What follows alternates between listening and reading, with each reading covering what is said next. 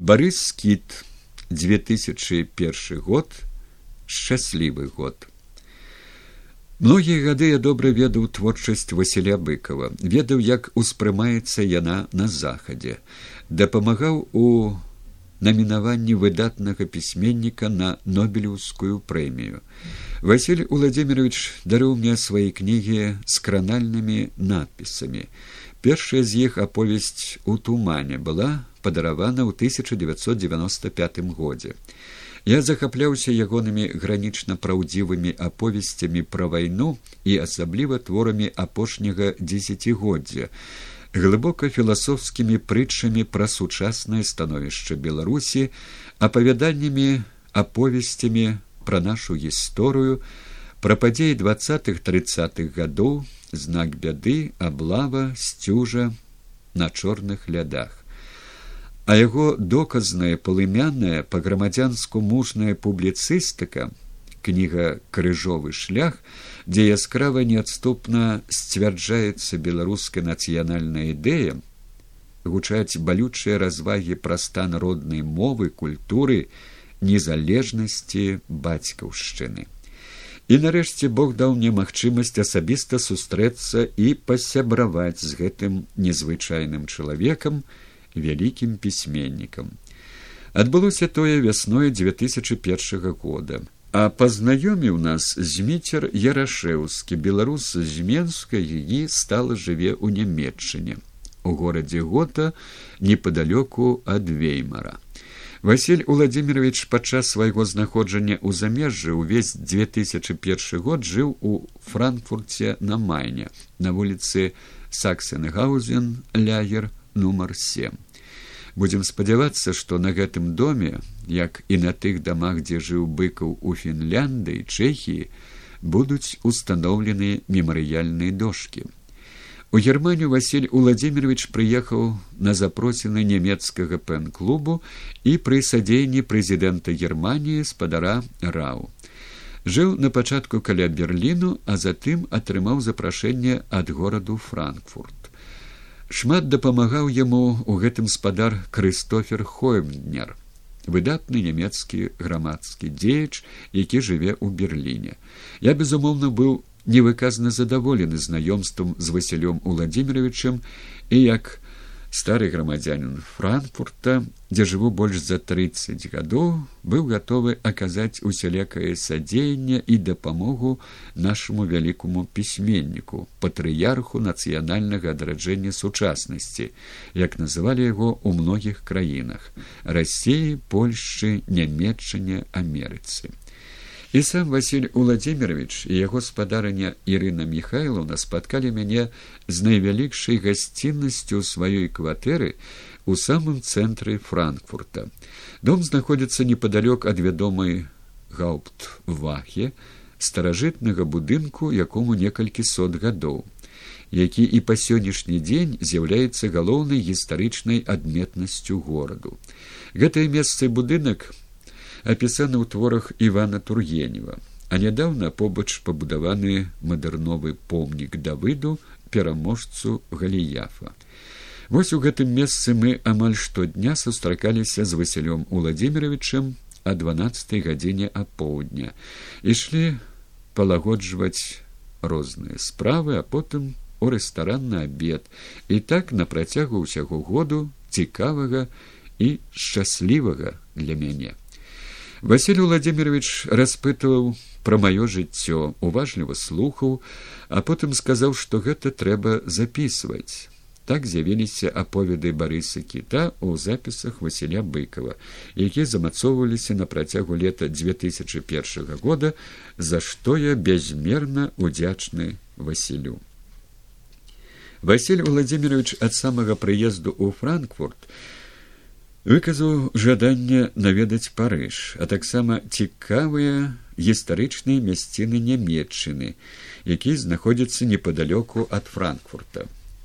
У парыжы быкавы прабылі некалькі дзён. Сустракала іх там моя былая вучаніца павеленскай гімназіі ніна абрамчык удава былога прэзідэнта бнр міколы абрамчыка. З транспарантам жыве беларусь Затым мы наведалі найпрыгажэйшы горад сад візбаден, дзе некалі бывалі тургенеў і дастаеўскі. Бат гомбург. Дастаеўскі напісаў там свой роман ігрок. Гэтыя мясціны яшчэ ў девятнацатым стагоддзе абжывала руская арыстакраты і сёння іх найбольш наведваюць турысты з многіх краінаў свету каб палюбавацца незвычайнай прыгажосцю старажытных будынкаў сабораў і асабліва паркамі скверамі вуліцамі якія патанаюць у кветках самых розных колераў адценняў яркіх буйных свежых каб падыхаць гаючым паветрам пасядзець ва ўтульных кавярнях адчуць няспешны размерны рытм жыцця багатых нямецкіх гарадкоў дзе ўсё задавальняе чалавека. Ягоныя самыя патрабавальныя густы і схільнасці. Але любуючыся гэтай прыгажосцю уладкаванасцю багаццем мы думалі пра сваю шматпакутную бацькаўшчыну. Узнікала як пісаў у аповедах василь уладзімирович балючае пытанне. А у нас? Тое праклятае пытанне на захадзе раз пораз стукае у голову тузаецца ў душы. Хоць ты не глядзі на наваколле ці забудься пра пакінутае дома. Параўнанне міжволі выклікаюць благія пачуцці настройваюць на крытычны да сябе лад. Наглядзеўшыся на гэтую урбаністыку старую ці новую але аднолькава звабную і для пагляду і для карыстання. Не хочацца згадваць пра нашы драўляныя хаціны зарослыя крапівой падмуркі пабураных церкваў ды новыя сілікатныя аборы амаль аднолькавыя для кароў і людзей. Мне не цяжка было здагадацца пра гэтай думкі васяля владимировича назіраючы як хмурынкі набягалі на ягоны задумлівы твар бо амаль тое ж адчуваў і я сам. Пакінуўшы радзіму ў сорокавыя гады і наведаўшы яе ў девяностые, пахадзіўшы па розных мясцінах, я пабачыў, што сапраўды амаль мала што змянілася ў цяжкім побыце простага чалавека. Па-ранейшаму людзі абцяжараны клопатам, як пражыць, пракарміцца на мізэрныя зарплаты ці пенсіі. Василь Владимирович сцішана любаваўся прыгажосцю франкфурта і яго ваколіц я безумоўна не магу так хораша і дакладна пісаць тое што сустракалася падчас нашых вандровак як да прыкладу апісаў ён палмен гартен мы нетаропка ідём па ваколіцах славутага ў франкфурце палменгартену здаўна аблюбаванага заможнай гарадской буржуазіі ды і раён той наскрозь буржуазны з выгляду раскошна з былым густам абжыты і ціхі тут утульныя схаваныя ў суцэльнай засене аграмадных платанаў вуліцы шыкоўнымі розных стыляў будынкамі ад еўрапейскага барока да мадэрну найноўшых напрамкаў. Усё дбайна дагледжанае упрыгожанае. Існае без спрадвеку. Здаецца ніяка вайна тут не зрушыла і каменьчку з гэтай буржазнай добраўпарадкаванасці мінулых стагоддзяў. Сярод падстрыжанага кустоя і кветнікаў дрэмлюць беласнежныя вілы свежа зеляняюць абструмененыя вадой лужкі пры аднолькавай упарадкаванасці ўсё тут рознае характарам стылем коштам архітэктура разнастайнасці тут шаноўныя пані і бязлюдзе месцы на ходніках і падворках застаўлены аўтамабілямі самых розных фірмаў мадэляў і марак на ўсёй вуліцы не знойдзеш і двух аднолькавых трэба сказаць што франкфурт на мане наогул прыгожы старажытны горад былы цэнтр свяшчэннай рымскай імперыі а цяпер найсучасны горад еўропы дзе па-нямецку рацыянальна спалучаюцца далёкая гісторыя і дзень сённяшні які праз супермадэрновы аэрапорт звязаны з усімі сталіцамі свету. Мы хадзілі па вуліцах франкфурта як па старонках гісторыі дзе старыя будынкі суседнічаюць з высотнымі гатэлямі офісамі банкамі. Часта адпачывалі на беразе шырокага майна па якому праплывалі яхты хуткія кацеры нават цяжка гружаныя баржы турысцкія параходы.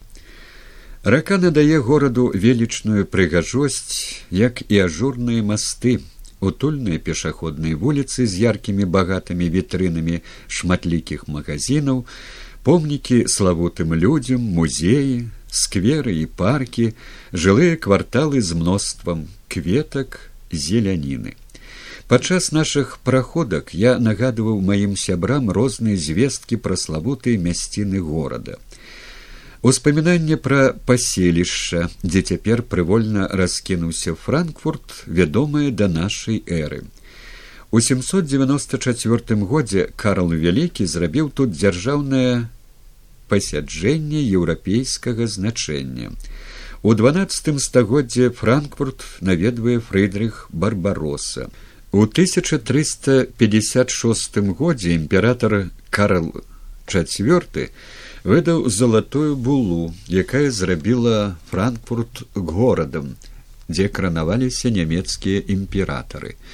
Перад саборам, у якім мы пастаялі пад высачэннымі зводамі, услухоўваючыся ў векавую цішыню, мы бачылі пасля археалагічных раскопак адкрытыя рымскія маставыя, якія памятаюць легіянераў цэзара даміцыяна. У 1749 годзе ў франкфурце нарадзіўся Яган Вольган Гёте. Мы доўга хадзілі па шматлікіх невялікіх пакоях дома музея славутага нямецкага паэта. Васіль Владимирович засяроджана разглядаў фотаздымкі, карціны, рукапісы, кнігі, розныя рэчы і дакументы, звязаныя з імем і эпохай вялікага немца, якому ідуць пакланіцца і аддаць даніну павагі людзі самых розных нацыянальнасцяў з усяго свету. У 1848 годзе ў франкфурце сабраўся першы агульнанямецкі парламент, на будынку якога цяпер вісіць мноства мемарыяльных дошак, а велізарная зала парламенту ўражвае сваімі памерамі і аскетычнасцю, велічнасцю аздобы. Тут, як і ў гарадскім саборы ратушы быццам чуюцца галасы палымянных прамоўцаў знакамітых дзеячаў нямецкай гісторыі. З усіх музеяў гораду незвычайна зацікавіў Васіля Владимировича гістарычны музей, асабліва залы, дзе раскрываецца ваенны перыяд у існаванні франкфурта, які падчас другой сусветнай вайны быў дашчэнту разбураны. У руінах ляжалі ўсе вуліцы, будынкі, прыгарад. Васіль Владимирович не пераставаў здзіўляцца, як дбайна немцы аднавілі, паднялі літаральна з попелу старажытныя помнікі архітэктуры, гістарычны цэнтр, узводзячы побач новае сучаснае, што толькі падкрэслівала веліч прыгажосць і непаўторнасць гэтага нямецкага гораду. Такімі ж разбуранымі былі і гэтак жа хутка паўсталі з руінаў іншыя гарады, якія мы наведалі з быкавым дармштадт радавое гняздо апошняй рускай імператрыцы александры фёдоровны дзе ёсць праваслаўная царква падарунак мікалая другога у гэтым горадзе дарэчы зараз знаходзіцца нямецкі пэн-цэнтр. Марбург ва універсітэце якога некалі вучыўся барыс пастарнак але найбольш спадабаўся гайдельберг старажытны універсітэцкі горад дзе знаходзіцца замак куруфюрстаў 16-17 стагоддзя з вышыні якога адкрываецца незвычайна цудоўная казачна прыгожая панарама на раку масты чырвоныя дахі старых гарадскіх кварталаў і універсітэту якому больш як 600 гадоў Гэта другі па часе заснавання пасля Карлава універсітэту ў празе універсітэт Еўропы. Тут некалі жылі і тварылі гайндельбергскія рамантыкі, Арнім, Брентана, браты Грым, Эйхендорф, заснавальнікі міфалагічнай школы ў літаратуры. 1805-1809 гады. І Гайдельберг і побач з ім невялікі гарадок ляймен. У ляймене дарэчы знаходзіцца беларускі музей заснаваны пасля вайны беларускім пісьменнікам юрыем жывіцам юры попка амаль невядомым на беларусі. Я шмат дапамагаў яму ў зборы экспанатаў беларускіх кніг часопісаў як эмігранцкіх так і айчынных калі працаваў у гайдельбергскім філіяле вашынгтонскага марыленскага універсітэту. Цяпер ляйман пабрацім нашага навагрудку. З трох бакоў абкружаны невысокімі лясістымі гарамі куды так і цягне схадзіць па грыбы і па ягады як і ў нас на беларусі мы доўга стаялі на аглядных пляцоўках ля сценаў замку пераходзячы з аднаго месца на другое бо сапраўды нельга было адарвацца ад непаўторнай прыгажосці краявідаў ваколец і самога гайдельберга што прывольна раскінуўся ля падножжа гары на яку стаяў замак. Агромністыя ягоныя памеры зялёны дыван падстрыжанай травы вакол экзатычныя расліны векавыя дрэвы мноства кветак цішыня і спакой стагоддзяў. Усё настройвала на адчуванне што мы апынуліся у далёкім часе калі ствараўся гэты цуд якім захапляюцца людзі двадцать першага стагоддзя. Аднак самым цікавым нашым падарожжам было падарожжа две тысячи першага года Ірына Михайловна Василий Владимирович Тамара, моя пажыццёвая спадарожніца, і я селі на параход у Франкфурце, праплылі па майне і рэйне аж да коблінца. Перад намі паступова раскрывалася гісторыя рыцарскіх часоў. Толькі ўздоўж рэйну, апетага ўсімі нямецкімі паэтаму, знаходзіцца сярэдневековых замкаў і разбураных і ашчаджаных часам. Мы не паспявалі разгледзець іх велічныя гмахі, якія ўзвышаліся з абодвух бакоў ракі, як вартавыя стагоддзяў, сведкі ваяўнічай нямецкай гісторыі. Мы все засталіся вельмі задаволеныя гэтай вандроўкай і адпачынкам. Васіль Уладзімирович потым часта згадваў яе ў нашых размовах. Наогул яму падабалася жыць у франкфурце. І ў нас з'явілася думка прадоўжыць пражыванне тут і надалей. Мы паехалі ў дармштадт звярнуліся з гэткай прапановай да цэнтральнага бюро нямецкага пэн-цэнтру да ўладаў франкфуртскага магістрату і іншых адказных інстытуцыяў.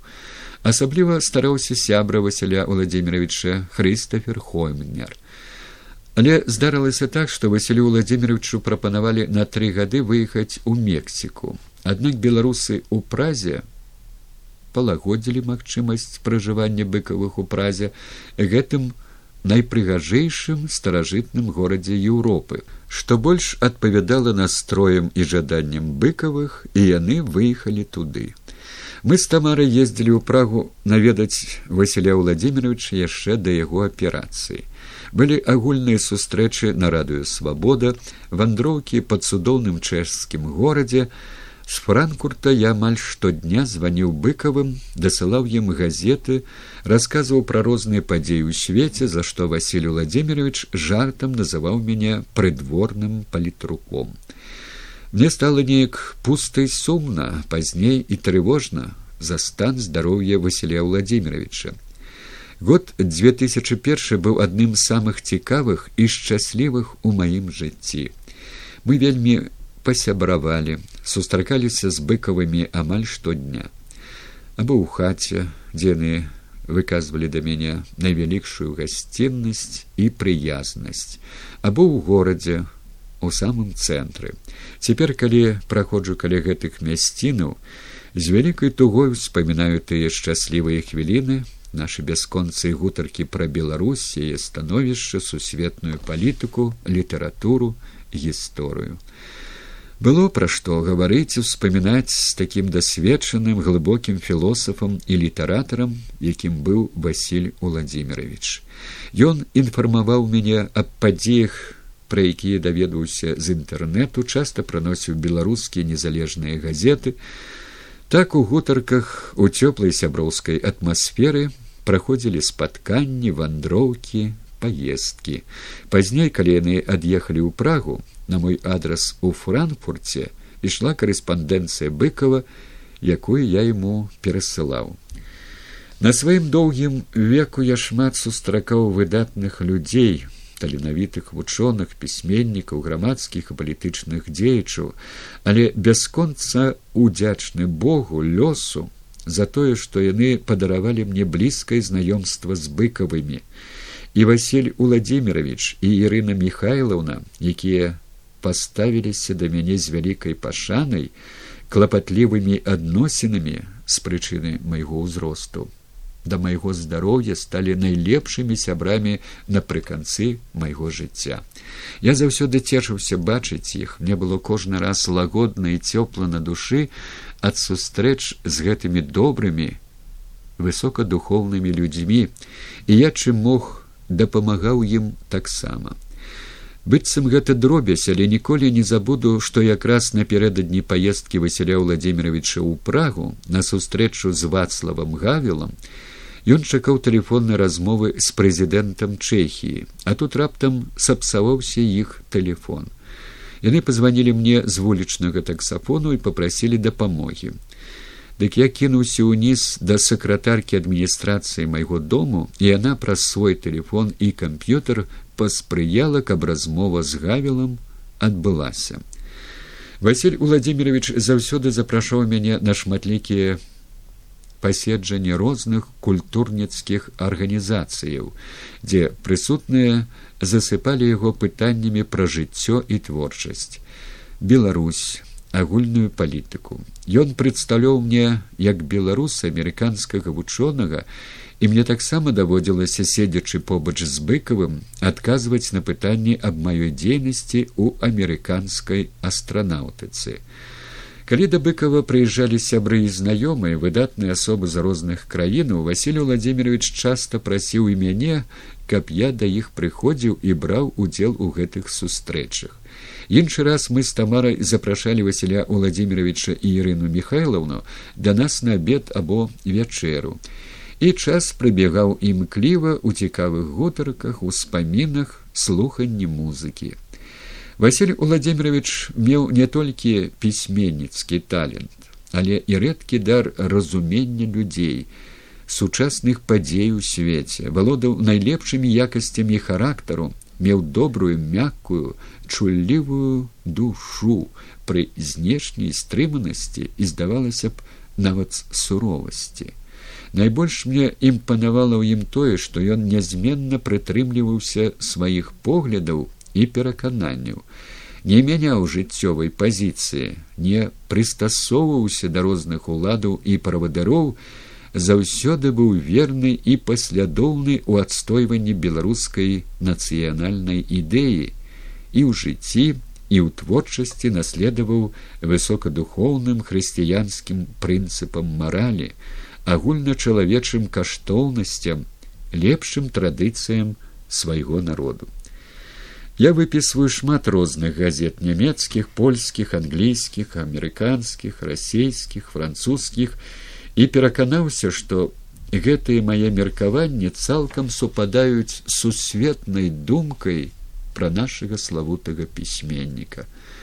Напісаўшы пра адыход Васіля быкова ў вечнасць, што болем паласнула сэрца, бо немагчыма паверыць у гэтую страту. Усе газеты адназначна ацанілі василя быкова як чалавека і мастака агульначалавечай значнасці калі ж я атрымаў беларускія незалежныя газеты якія расказалі як беларусь развітвалася са сваім вялікім сынам то пераканаўся што радзіма наша сапраўды выхаваная на творах быкова і не збочыць са шляху цывілізаваных краін еўропы шляху Василя Быкова. Город Франкфурт на Майне.